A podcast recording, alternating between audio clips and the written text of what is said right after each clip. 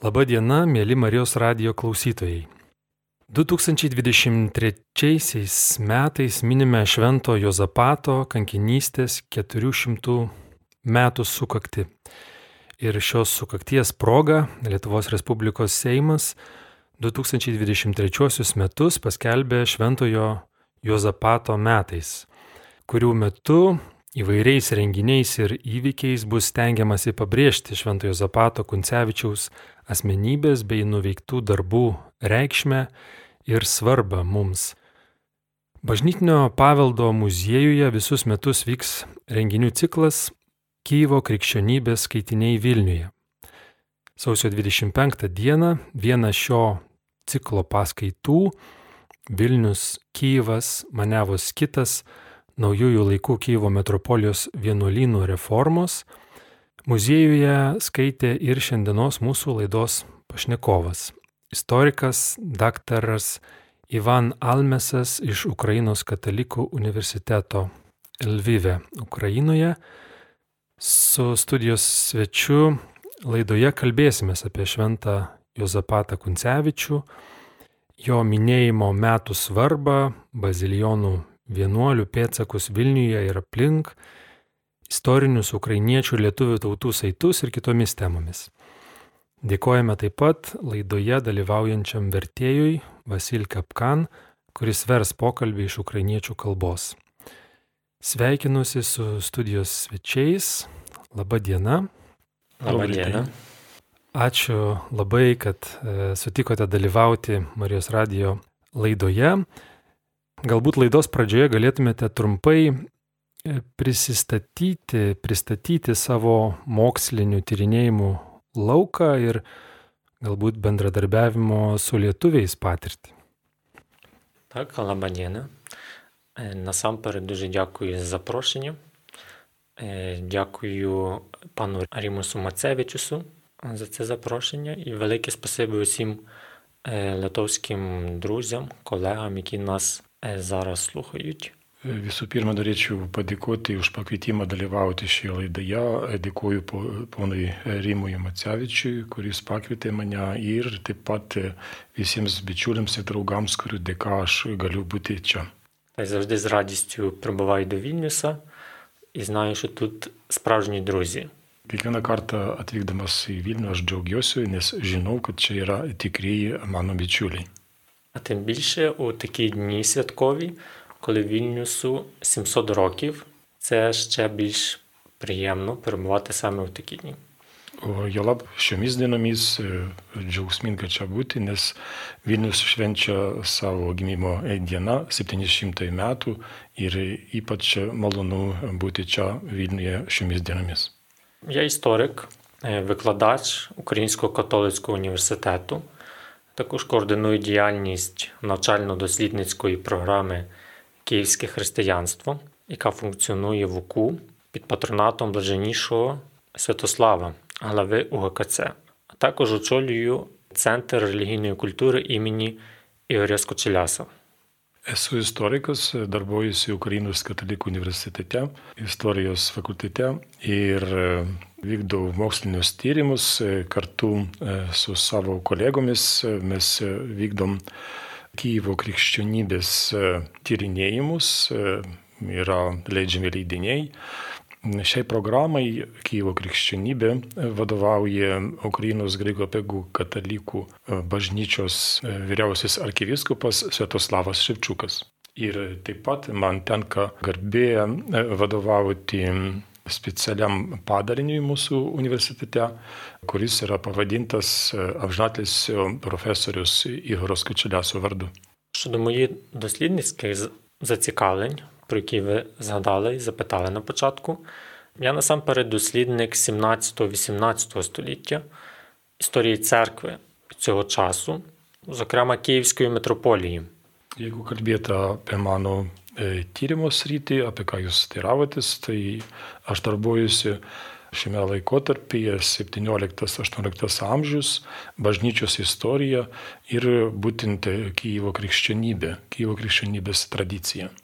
Можна сказати, три основні теми для мене найважливіші. Перше це історія монастирів, друге історія читання. І третє найширше релігійна історія ранньомодерного часу. Tai mano tokios trys temos - tai yra bažnyčios istorija, skaitiniai ir religiniai tyrimai šiame kontekste. І остання монографія моя українською мовою у 2021 році, яка вже була опублікована під час війни у Львові. Це історія читання ченців. Що вони читали, для чого, і як це впливало на їхнє усвідомлення і сприйняття навколишнього світу у 17-18 столітті. Monografija buvo paruošta 2021 metais ir išspausdinta Lvyve jau karo metu. Ir e, jos tema buvo skirta vienuolių skaitiniams. Tai yra, ką jie skaitė, kam ir kaip jie suvokdavo save ir tikėjimą per šios skaitinius. Negaliu nepaklausti apie jūsų gyvenimo ir darbo kasdienybę Ukrainoje šiuo metu. Kokią įtaką karas padarė ir daro universitetui, kaip vyksta akademinis gyvenimas, kokie jūsų asmeniniai išgyvenimai. Так, очевидно, кардинально вплинуло. Як і будь-яка війна, вона має епохальні зміни. Akivaizdu, kad e, poveikis buvo kardinalus, e, kiekvienas karas turi e, tokį poveikį žmogui. Я проживаю у Львові е, з дружиною. Gyvenu Lvyve e, kartu su savo žmona. Місто Львів це є Західна Україна, приблизно 100 кілометрів від кордону з Польською Республікою. Ir Lvyvas yra vakarų Ukrainoje, ir pats miestas yra atstumo viso labo 100 km nuo e, sienos su Lenkijos Respublika. Іншими словами, це глибокий тил. Це глибокий тил у порівнянні з фронтом, з гарячим фронтом, де відбуваються військові дії. Tai kitaip tariant, čia yra užnugaris ir gal e, gilus užnugaris, jeigu mes lyginsim su ta priešakinė linija, e, karšta linija, kur vyksta e, mūšiai rytų То можна Ukrainoje. сказати, що я поки що, на щастя, війну не побачив в очі, як це бачать люди, які живуть біля фронту. Ir galbūt savo laimė galiu pasakyti, kad kol kas aš tokio karo e, akivaizdaus e, savo akimis nesu matęs, kaip tai dėja yra su žmonėmis, kurie gyvena tiesiog karo priešakinėje linijoje. У Львові бувають тривоги, часті тривоги, сирени. Це означає, що потрібно йти в укриття. Але останні місяці ми вже до цього звикнули і далеко не завжди ходимо е, в укриття і продовжуємо працювати. Lvive be abejo, kaip ir visoje Ukrainoje, yra skelbiamas oro pavojus ir mes be abejo turime eiti į slėptuvės, tačiau per pastarosius mėnesius pastebimas toks dalykas, kad mes jau kaip pripratom prie jų, taigi kartais nebėgam niekur, o tęsim savo darbus savo vietose. Іншими словами, працюємо і живемо під час тривог. Taigi, kitaip tariant, mes dirbame ir gyvename oro pavojų metu. Це означає снідати, обідати, читати книги, гуляти вулицею, зрештою деколи спати, чуючи звук сирен. Tai reiškia, kad ir, ir pusryčiauti, ir pietauti, ir kartais vaikščioti laukia arba dirbti, skaityti knygas, o kartais ir mėgoti tuomet, kaip yra skelbiamas oro pavojus. Зрештою, подорожувати або їхати до кордону з Польщею, щоб прибути до Вільнюса. Е, На щастя, цього разу без тривоги і без не бачивши ракет, які летіли в сторону Львова. Ir kartais ir galima ir vykti, tarkime, kaip ir šiuo atveju, mano atveju, prie sienos su Lenkija, kai nu, nebuvo to oro pavojaus ir neteko matyti skraidančio danguje raketų. Е, Друга важлива зміна особисто для мене, що ти починаєш жити з військовими. O antras e, pasikeitimas man asmeniškai, kad tu pripranti gyventi kartu su kariškiais. Коли ти військово бачиш щодня у місті, Kasdien tu matai kariškius mieste, чи чоловіків, які готуються їхати на фронт. arba vyrus, kurie ruošiasi vykti į frontą, į tą priešakinę liniją. Інше, можливо, декілька слів е, про університетське життя. Gal keletą žodžių tarsiu dėl to, kaip gyvena universitetas. Е, с- Перші два тижні, особисто для мене, як частина університетської спільноти, вони були справді, напевне, найважчими психологічно. Pirmosios dvi savaitės man asmeniškai ir mūsų bendruomeniai buvo galbūt pačios sunkiausios. Розгубленість, страх, якісь бажання, можливо, втекти, знайти безпечне місце. Tai buvo pasimetimas, baime, noras surasti saugio vietą. Але опісля прийшло розуміння того, що треба ем, працювати, не просто працювати, а ще більше робити, і це буде основним кладом в перемогу. Tačiau vėliau atėjo suvokimas, kad reikia dirbti ir ne šiaip dirbti, o galbūt dvigubai daugiau dirbti ir tai bus e, tavo indėlis į pergalę. Потрібно було знайти свій фронт. Taigi, kitaip tariant, reikėjo surasti savo frontą, kur tu galėtum kariauti. І університет з гідністю прийняв цей виклик. І до сих пір, і ми успішно завершили минулий семестр, розпочали новий навчальний семестр. І буквально в ці дні будуть відбуватися випускні урочистості магістрів в Українському католицькому університеті. Taigi, universitetas oriai priėmė šį iššūkį, mes baigėm a, praeitą semestrą, pradėjom naujus mokslo metus ir netrukus a, mūsų magistrai a, gins savo darbus ir bus a, iškilmės a, tą progą mūsų universitete. Навчання відбувались не лише під час тривог, але дуже нерідко без електрики, без світла, а студенти вдома могли готуватись до пар без тепла. Ir dažnai šiuo laikotarpiu e, studijos vyko e, be šviesos, be elektros, o studentai turėjo e, ruoštis e, savo e, darbams ir uždaviniams e, atlikti namuose be šilumos. Але це потрібно і можливо. Tačiau e, visi šitie darbai yra reikalingi ir juos galima įveikti. Це щонайменше тримає дух самих людей, які перебувають в містах, і це надихає наших захисників на фронті. Tai visų pirma palaiko e, dvasia tų žmonių, kurie toliau yra mūsų miestuose, o iš kitos pusės tai yra stiprus įkvėpimas mūsų kariams, kurie gina fronte. У підсумку минулого року наша дослідницька програма опублікувала 5 книг під час війни, опублікувала і дві книги приготувала до друку. Pavyzdžiui, mes tęsim savo darbus ir pernai e, mūsų e, tyrinėtojai, mokslininkai parašė penkias knygas ir publikavo, ir dvi knygos jau yra paruoštos, publikacijai. У нас з'явились два нові аспіранти. Pas mus atsirado du nauji aspirantai. Нові студенти поступили в університет у вересні навчання саме у Львові. Rugsėjo mėnesį atvyko nauji studentai, įstoja į mūsų Ukrainos katalikų uniwersytet Lwivie. To my pracujemy, wczymosi i se robimy dla pirmoji. Taigi mes dirbame, mokomės ir darome viską, kas yra reikalinga pergaliai. Laidos pradžioje minėjau, kad šiemet Lietuvoje valstybiniu lygiu minimas šventasis Jozapatas Kuncevičius. Tai vienuolis, asketas gyvenęs 1580-1623 metais, vėliau ir Polotsko arkivyskupas, vienuolino vyresnysis. Um, Lietuvoje galbūt nėra labai nuodugniai pažįstamas šis šventasis, tačiau jisai susijęs su Lietuva ir galbūt šis minėjimas paskatins ir e, lietuvius labiau pasidomėti, labiau pažinti Šventojo Zapatą.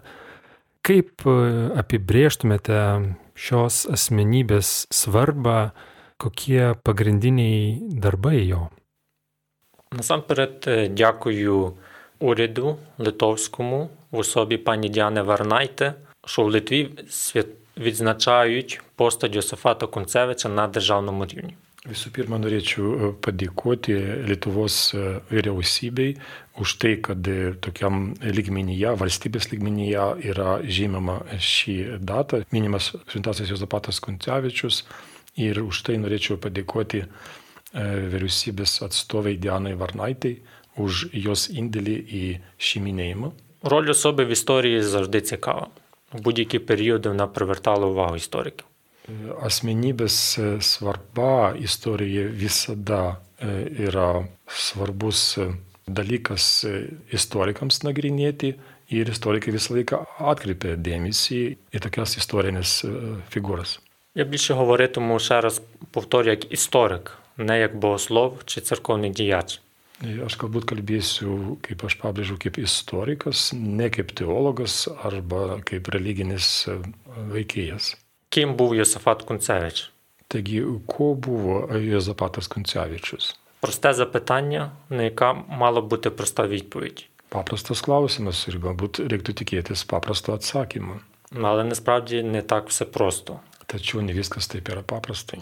І тут дослідникам, історикам ще багато роботи для простої пошуку, простої відповіді на таке просте запитання. Ir čia istorikams yra labai daug, e, kur kur reiktų darbuotis, e, nes e, ne taip lengva atsakyti paprastai į tokį paprastą klausimą.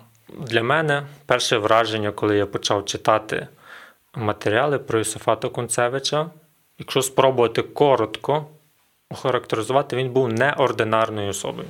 E, Man, kai aš tik tai pradėjau susipažinti su jo asmenybė, kaip istorikas, aš supratau, kad jisai buvo nepaprastas žmogus. Він був захоплений е, духовними аскетичними практиками. Mm, Aš buvau sužavėtas jo dvasinėmis e, religinėmis praktikomis. Став монахом у Вільнюському монастирі, вступив до монастиря. Jis e, tapo šio vienuolino Vilniuje švenčiausios tarybės vienuolino vienuoliu.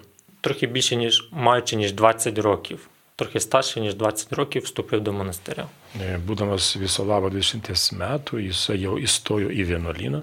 У монастирі, в якому майже не було людей, декілька осіб, і він прийшов до цього монастиря. Šiame vienuolyne nebuvo daug vienuolių, keletas žmonių ir jisai atsiranda šitam vienuolyne, став монахом, ченцем. taigi e, jisai tapo vienuoliu. І робив свою роботу як найкраще, якщо так можна сказати про ченців, що вони роблять роботу. Jisai darbavosi savo vienuolystėje galbūt kaip galėjo geriausiai, jeigu taip galim apibūdinti, kalbėdami apie vienuolį. Дуже віддано, дуже жертовно і харизматично. У підсумку монастир почав налічувати декілька десятків людей. Ir jisai darbavosi labai atsidavusiai, pasišventęs e, savo darbui buvo charizmatiškas žmogus ir jo triūso dėka netrukus vienuolinė atsirado jau e, keliasdešimtis vienuolių jaunuolių. І сьогодні у Вільнюсі можна відвідати келію святого Йозефата у монастирі Пресвятої Трійці на Аушросварту. Ir šiandieną norintys gali apsilankyti švenčiausios trybės vienuolinę ir pamatyti, kaip at- atrodė Šventojo Zapato celė. До певної міри можна сказати, що він був фанатиком своєї справи. Tam tikrą prasme galim sakyti, kad jisai buvo e, savo darbų, savo srities darbavimuose fanatikas. У доброму значенні цього слова. Gerąją tą žodžio prasme. Будучи дуже добрим монахом, він став єпископом, а навіть потім архієпископом Полицьким. Ir būdamas labai geras vienuolis, jisai taip pat tapo ir gerų vyskupų, vėliau Polotsko arkivyskupų. Ця така запальна натура, щоб робити все як, як найправильніше, стало однією, мені здається, однією з причин того, що його було вбито у Вітебську у 23-му році. Ir tas užsidegimas, pasišventimas e, Dievo reikalui galbūt e, lydėjęs jį visą e, gyvenimą, tapo priežastimi, dėl ko buvo su, sukilta prieš jį ir dėl ko jisai Vitebske 1613 metais buvo nužudytas. У підсумку Йосифат Кунцевич став єдиним мучеником Руської унійної церкви 17-18 століття, офіційно визнаним Р- Римською католицькою церквою. Ir to pasiekoje, kaip Dievo apvaizdoje mes matome, kad e, Jozapatas Kuncevičius e, tapo vieninteliu e, Rusijos arba Rusienų unijinės bažnyčios šventojų, kuris buvo pripažintas šventojų taip pat ir visuotinės bažnyčios. Josafat Kuncevič не став би святим, якщо б не Вільнюс. Ir aš manau, kad šventasis Jozapatas Kuncevičius nebūtų šventojų, jeigu jisai neatsidurtų Vilniuje.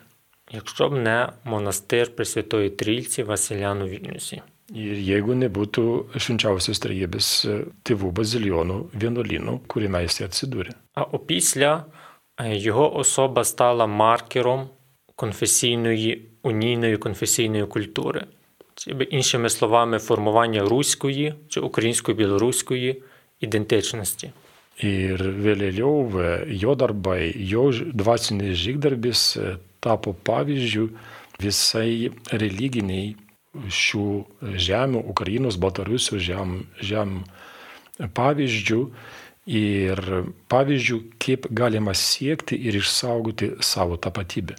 Ukrainiečiams ir Baltarusiams. Дуже простий приклад. 1773 рік. 150 років опісля смерті Кунцевича. Paprastas pavyzdys, e, 1770 metai, e, praėjo 150 metų nuo e, Šventojo Zapato kankinystės. Е, В цей час відбувалась коронація, папська коронація Почаївської ікони. Ir Tuo metu popiežiaus buvo įteiktos e, karūnos e, Dievo motinos ikonai, kuri buvo e, gerbiama Ukrainoje Počajevo miesto bazilionų vienuolinė. Це близько 800 кілометрів на південь від Вільнюса, сучасна Україна. Tai jeigu žiūrėsim geografiškai, tai būtų 800 km atstumas nuo Vilniaus e, Ukrainoje, toks, toks atstumas. І у монастирі поширювали зображення Богородиці посередині, а внизу біля неї дві постаті Василій Великий і Йосифат Кунцевич.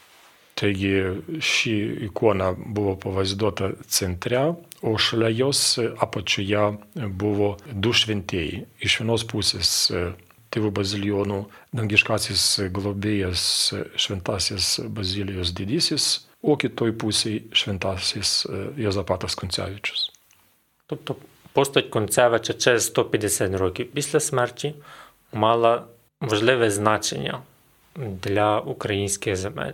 Taigi praėjus 150 metų po e, Jozapato kankinystės matome, kokią didelę įtaką turėjo jis tikintiesiems Ukrainoje, Ukrainos žemėse. Але тут варто наголосити, що не для всієї України, а для цієї частини, яка була Київська унійна митрополія.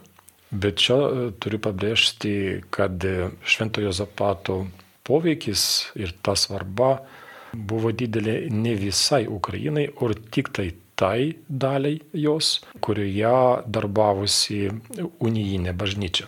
Зрештою, детальніше про Кунцевича і його значення для Литви захочу прочитати в монографії на перехресті культур, яка опублікована литовською мовою 2017 року. E, Detaliau susipažinti su Šventojo Zapato asmenybė, e, jo gyvenimu ir darbais galima vienam e, iš leidinių skirtų ir jam. E, Tai yra kultūros kryškelė leidinys, e, jis yra išspausdintas ir lietuvių kalba ir jisai pasirodė e, Vilniuje 2017 metais. Також можна знайти інформацію на відкритому доступі в інтернеті. Матеріали опубліковані трьома мовами українською, литовською, англійською. Шукати потрібно за гаслом на перехресті культур. Taigi, jeigu ieškosim pagal tą pavadinimą kultūrų kryškelė e, interneto erdvėse, mes surasime internetinę svetainę, kurioje visa informacija apie Šventoją Zapatą, jo veikla, taip pat e, šį vienuolyną, švenčiausios trybės vienuolyną Vilniuje, yra pristatoma trimis kalbomis - lietuvių, ukrainų ir anglų. Ir jūs esate prisidėjęs prie šio Vilniaus universiteto išleisto leidinio kolektyvinės monografijos Kultūrų kryškelė Vilniaus švenčiausiosios trybės šventovė ir vienuolynas. Kaip atsimenate bendradarbiavimą, jį rengiant ir Kuo ypatinga švenčiausios trybės šventovė ir vienuolynas Vilniuje? Монографія виникла в результаті дуже успішної співпраці Вільнюського університету та Українського католицького університету за участі близько 20 дослідників. Pati monografija atsirado dėka to, kad gimė bendradarbiavimas tarp Vilniaus universiteto ir Ukrainos katalikų universiteto mokslininkų ir kartu šiuo atveju darbavosi 20 tyrinėtojų. Я в ці роки був тільки аспірантом. Tuo metu aš buvau viso labo tik aspirantas. І десь починав свою дослідницькі, дослідницьку кар'єру, і я дуже радий, що Вільнюс спричинився великою мірою до цього. Tuo metu aš tik tai kaip aspirantas pradėdavau savo tyrinėjimus ir labai džiaugiuosi, kad Vilnius labai prisidėjo prie mano šių darbų. Я написав до монографії два, дві частини про бібліотеку та друкарню. Mano darbas buvo aprašyti Vilniaus švenčiausios trybės vienuolyno biblioteką ir spaustuvę. І як ми знаємо навіть сьогодні, важливим книга була дуже важливим джерелом інформації. Вона залишається сьогодні, але якщо говорити про 17 століття, це одне з чи не єдиних джерел інформації. Це Фейсбук для 17 століття. Jeigu žiūrėsime į tokį reiškinį kaip knyga, tai 17 amžiuje tai buvo pagrindinis žinių šaltinis, jeigu sakyti mūsų šiuolaikinių žmonių kalba, tai buvo tiesiog 17 amžiaus Facebookas. Багато різних журналів, часописи, це як соціальні мережі. Якщо ти маєш доступ до джерела інформації, ти поширюєш певну інформацію. Тому друкарня це дуже важливий інструмент, особливо в цей час. Taigi tie visi leidiniai, knygos, žurnalai kaip socialinio bendravimo pagrindas buvo labai svarbus, nes jeigu tu turi spaustuvę, turi prieigą prie informacijos, tu gali daug ką valdyti. Друкарня Василяну в Вільнюсі в 17-18 столітті була одною з найбільших в місті. Tuo metu 17-18 amžiuje tėvų bazilionų spaustuvė Vilniuje buvo viena didžiausių. Наприкінці 18 століття саме Василяни опублікували проповіді литовською мовою. O 18 amžiaus pabaigoje būtent tėvai bazilionai pradėjo spausdinti pamokslus lietuvių kalba. А на початку 19 століття також Василяни мали готовий проект граматики литовської мови для публікації. O 19 amžiaus pabaigoje tėvai bazilionai buvo paruošę ir lietuvių kalbos gramatiką spausdinimui. Але через імперську цензуру цю граматику не було тоді опубліковано. Tačiau įsikišus Rusijos imperijos cenzūrai ši gramatika nebuvo publikuota. Василяни друкували багатьма мовами книги руською чи староукраїнською, польською, латинською, церковнослов'янською. Tėvai bazilionai spausdino leidinius įvairiomis kalbomis. Tai buvo rusėnų arba sena ukrainų kalba, lenkų, lotynų ir senoji slavų bažnytinė kalba. Хто зараз видає книги різними мовами, він розуміє, скільки фахових працівників потрібно, щоб видати однією мовою якусь книгу. Ir dabar, kas yra susijęs su leidyba, galbūt turi suvokimą apie tai, kiek aukštos kvalifikacijos specialistų reikia turėti, kad paruošti bent vieną leidinį vieną kalbą. І ще один факт про друкарню Василян у Вільнюсі, дуже цікавий. Ir dar vienas faktas apie tėvų bazilionų spaustupę Vilniuje, labai įdomus dalykas. У 1770 році юний Гете публікував собі перші вірші. Yra žinoma, kad 1770 metais jaunasis Gėtė spausdino savo eilės. І він їх публікував у друкарні Брайткопфа в Ляйпцигу. Taigi tai vyko Leipzigo mieste, Braitkofo spaustuvėje. В цей самий рік настоятель монастиря в Вільнюсі закупив шрифти для своєї друкарні саме в Брайткопфі, в типографії Брайткова в Ляйпцигу. Ir būtent tais metais Vilniaus vienuolino vyresnysis įsigyja šriftus spausdinti leidinius savo vienuolino spaustuvėje ten pat, Leipziga pas Брайткофа. І ця друкарня була однією з перших в Європі, і в ці- цей період 70-х років однією з найкращих, яка друкувала ноти. Ir ši spaustuvė buvo viena geriausia tuometinėje rytų Europoje, bet to ji turėjo galimybę spausdinti netgi natas. Настоятель Василян у Вільнюсі також закупив шрифти для друку нот у Ляйпцигу. Nes e, vienuolino vyresnysis e, iš Vilniaus įsigijo Leipzigą e, būtent e, šio- šios šriftus spausdinti natoms. І тут не тільки справа в грошах, а це засвідчує факт, що вони справді були дуже спроможними і багатими, щоб купити таке остаткування. Ir čia kalbam ne tik tai apie e, pinigus, e, jo- juos ir reikėjo turėti, bet kalbam apie tai, kad e, buvo pakankamai apsišvietę ir pasiryžę skleisti ir, ir kultūrą tokiu būdu. Потрібно вміти з цим правильно користуватись, використати як найкраще остаткування в себе тут на місці в Вільнюсі. Ir taip pat tai kalba apie jų kvalifikaciją, nes e, turėjo būti labai aukštos kvalifikacijos specialistai panaudoti e, šios techninius rengi- ir įrenginius e, Vilniuje savo spaustuvėje. Перепрошую за таке порівняння. Можна купити BMW, але як ти не знаєш, як на ньому їздити, ти й не будеш на ньому їздити. Atsiprašau už tokį palyginimą, bet galima įsigyti BMW automobilį, tačiau nemokėdamas negalėsi važiuoti. То справді дуже високого рівня друкарня. Taigi šis spaustuvė iš tikrųjų buvo labai aukšto lygio. Sakoma, kad ukrainiečių ir lietuvių tautos yra artimos istoriškai susijusios. Kokie pagrindiniai istoriniai saitai mus sieja ir kaip tuos saitus atpažinti, pamatyti, galėtų žmonės skiria laiko susipažinti su šventuoju Juozapatu Kuncevičium ir bazilijonų ordinu, prie kurio įkūrimo prisidėjo šventasis Juozapatas.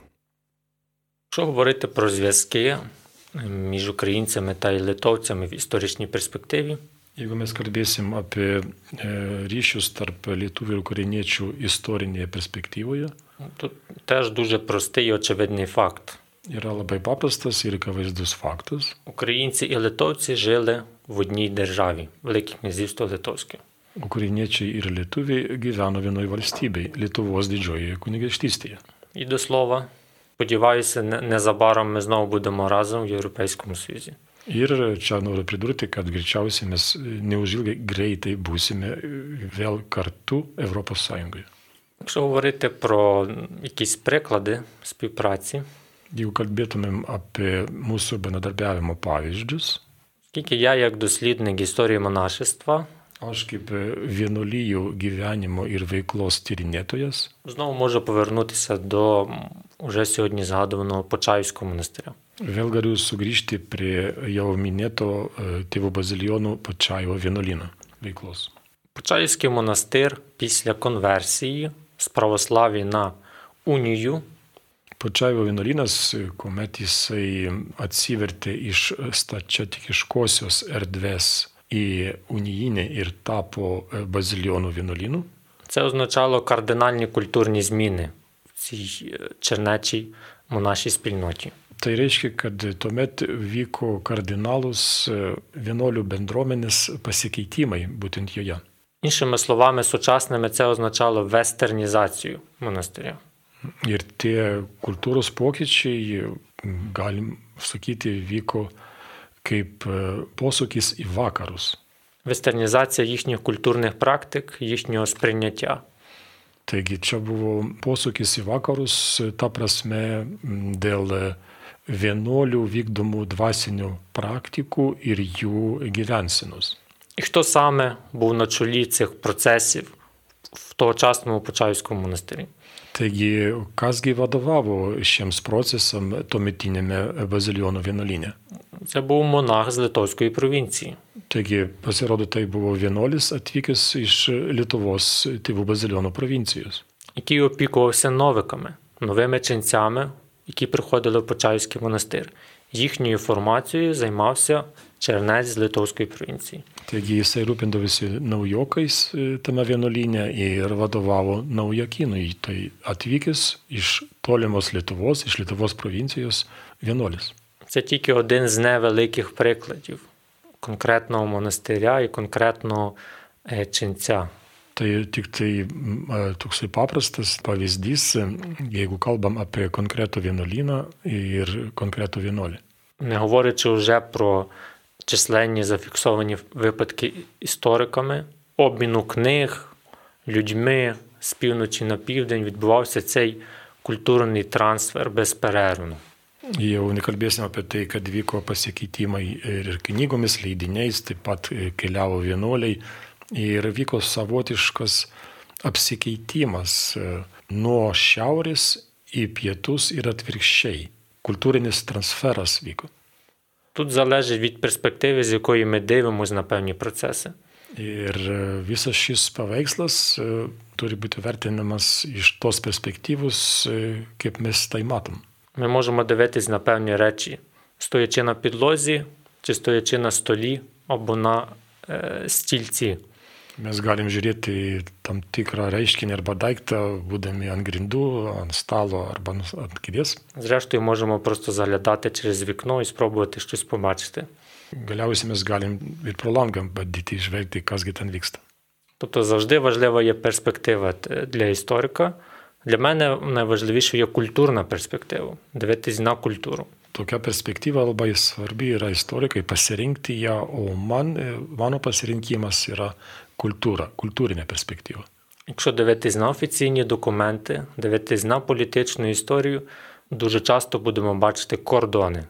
Кордони, які відділяли когось від іншого. Jeigu mes nagrinėsim dokumentus, e, politikos istorijos dokumentus, mes visą laiką atsiriamėm į sienas, sienas tarp žmonių. Якщо ми дивимося на практики, на культуру, ці кордони можуть зникнути. І ми бачимо простір, де люди між собою, між ними є інтеракція, взаємодія на різних рівнях. O jeigu mes žiūrim į kultūrą, į dvasinės praktikas, matome, kad tokių sienų nėra ir žmonės tarpusavėje saveikauja ir keičiasi Що ми бачимо? Що ми бачимо і сьогодні? Великі відстані, багато кордонів, але на практиці, на культурних практиках литовці українці єдині. Ir mes matome tai šiandien, didžiausi atstumai, daug sienų, bet e, e, dvasiškai, kultūriškai mes lietuviai ir ukrainiečiai esame vieningi. У нас багато спільного куль- в культурі. Mes turime labai daug bendro mūsų kultūrose.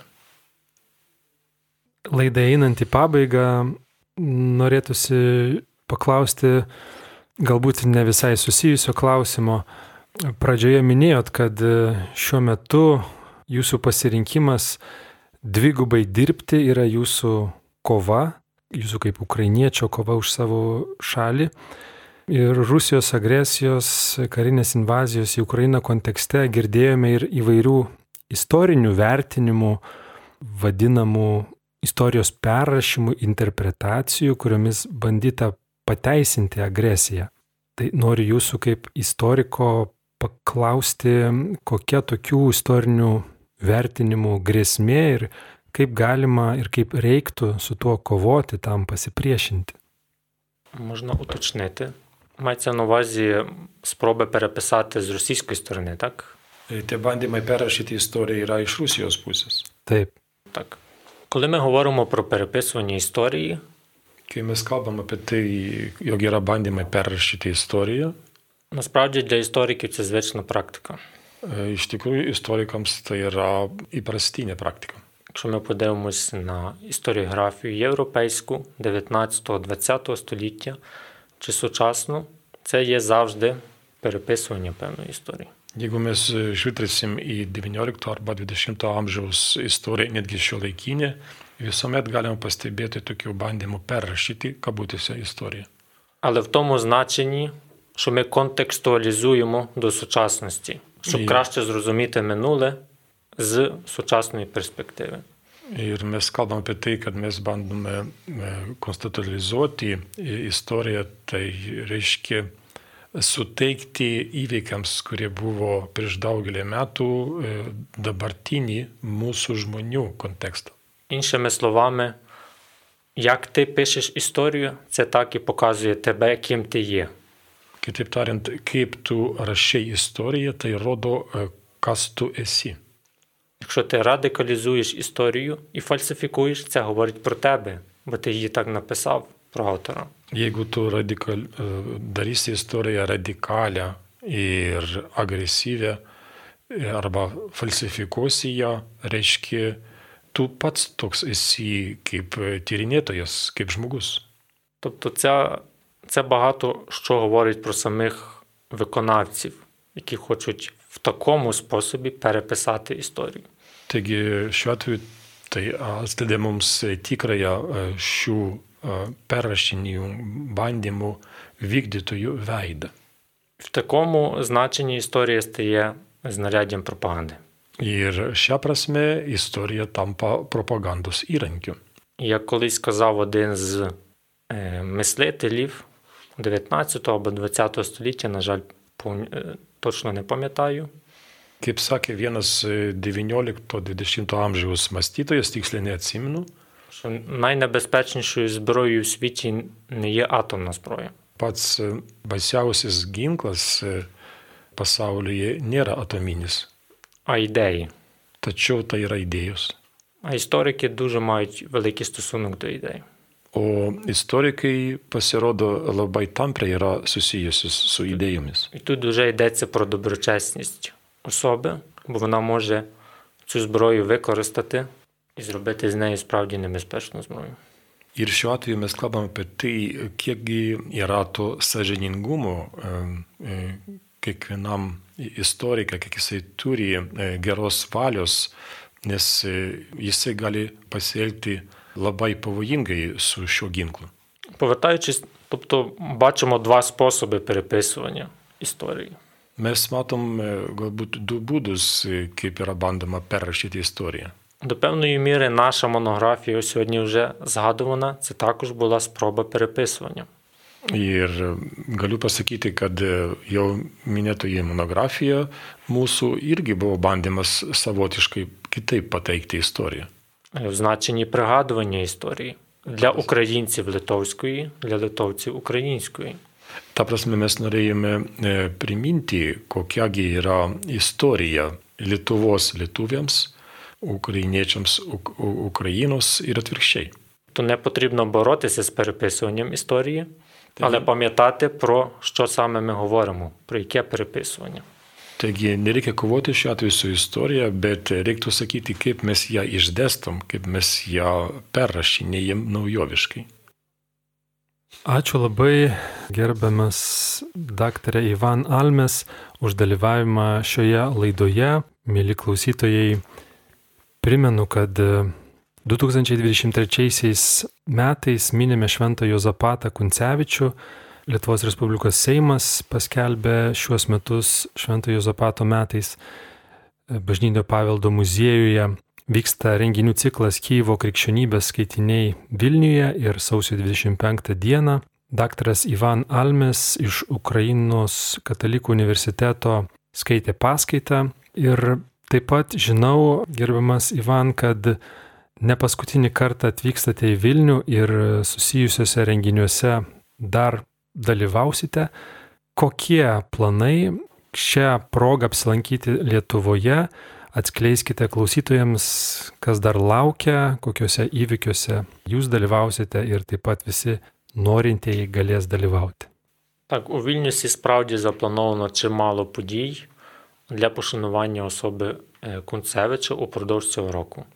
Vilniuje iš tikrųjų yra suplanuota e, nemažai įvykių ir renginių skirtų Šventojo Zapato Kuncevičiaus asmenybei pagerbti šiais metais.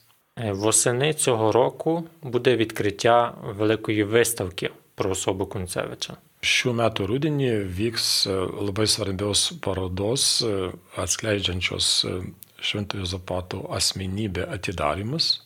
Е, Виставку готує Музей церковної спадщини спільно з УКУ, і виставка буде презентуватись на вулиці Святого Миколая 9. Šventą Mikolą. Šią parodą rengė bažnytinio paveldo muziejus iš Lietuvos ir prisideda Ukrainos katalikų universitetas. E, jis vyks muziejus patalpose ir bus приstatytas šiame muziejumi. Виставка буде показана під патронатом архієпископа Гінтараса Грушаса та Верховного архієпископа ОКЦ Блаженнішого Святослава.